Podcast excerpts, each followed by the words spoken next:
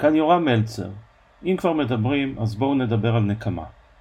לפני שנים הלכתי לקולנוע, הצגה שנייה שהסתיימה לקראת חצות.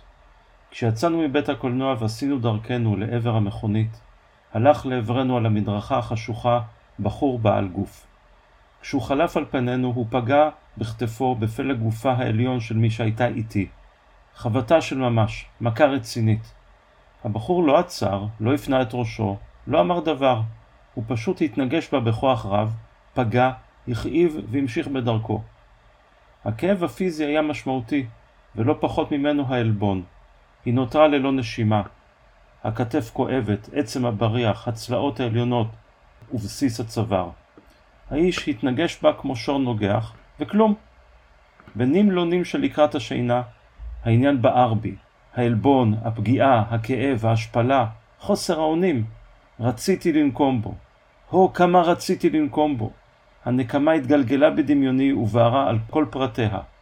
ראיתי את עצמי הולך אחריו, סוגר את המרחק בינינו, דוחק אותו לפינה, ממעיד אותו ארצה ליד פח זבל, מן הסתם לא במקרה ליד פח זבל, ובעודו מוטל בקוביית הבטון שמקיפה את הפח, אני שולף מסרגה ארוכה ותוקע אותה בעינו לכל צרחותיו הנוראות.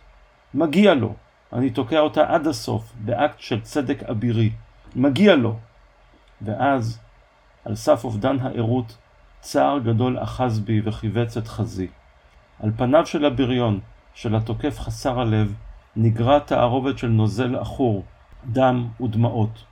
הוא בכה, מתחנן על חייו, מנסה להגן בידיו על מה שנותר מפניו, ואני דמעתי איתו. בוא, קום, תחזיק ביד שלי, אמרתי לו. והוא רועד כולו, מצטמרר, יפחותיו מעורבבות באנקות כאב.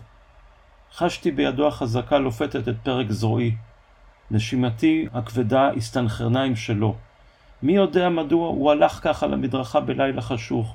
מי יודע מדוע הרשה לעצמו לפגוע כך באישה שאינו מכיר? מי יודע מה עוד קורה בחייו? והאם זה משנה? כן, לא, מה זה חשוב? הוא בוכה וכואב, דומע וזולג, ואני פרקתי את כל הרעה שאחזה בי. פרקתי אותה עד קצה המסרגה. וכעת, כשהוא מנסה לקום, פניו משתחזרות בדרך פלא. הדם שניגר לפניי נאסף בחזרה אל ערובת העין, שמתמלאת מחדש בעין בריאה, עם אישון והבעה וראשיתו של ברק.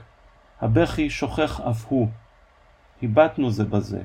אנחת רווחה נפלטה מחזי, ושניות אחדות לאחר תום ההזיה, נרדמתי, נקי וקל, מלא צער על הבחור, שמח שלא קרה לו דבר, מודה לדמיון שלי שהעניק לי פורקן.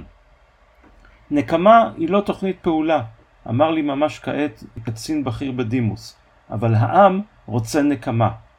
איפה בכלל מוצאים את העם כדי לברר איתו עניינים כאלה? כי אני, מה לעשות, תמיד חושד כשמדברים בשם העם. העם הוא הדמות האומללה בסיפור, זאת שתמיד מדברים בשמה. העם הוא מי שמשלם את המחיר על כך שמנהיגים מסוימים חושבים שהם יודעים בוודאות גמורה מה העם רוצה. האם זהו תפקידו של מנהיג? להיות פרזנטור של הצד האפל ביותר בציבור שהוא אמון על שלומו?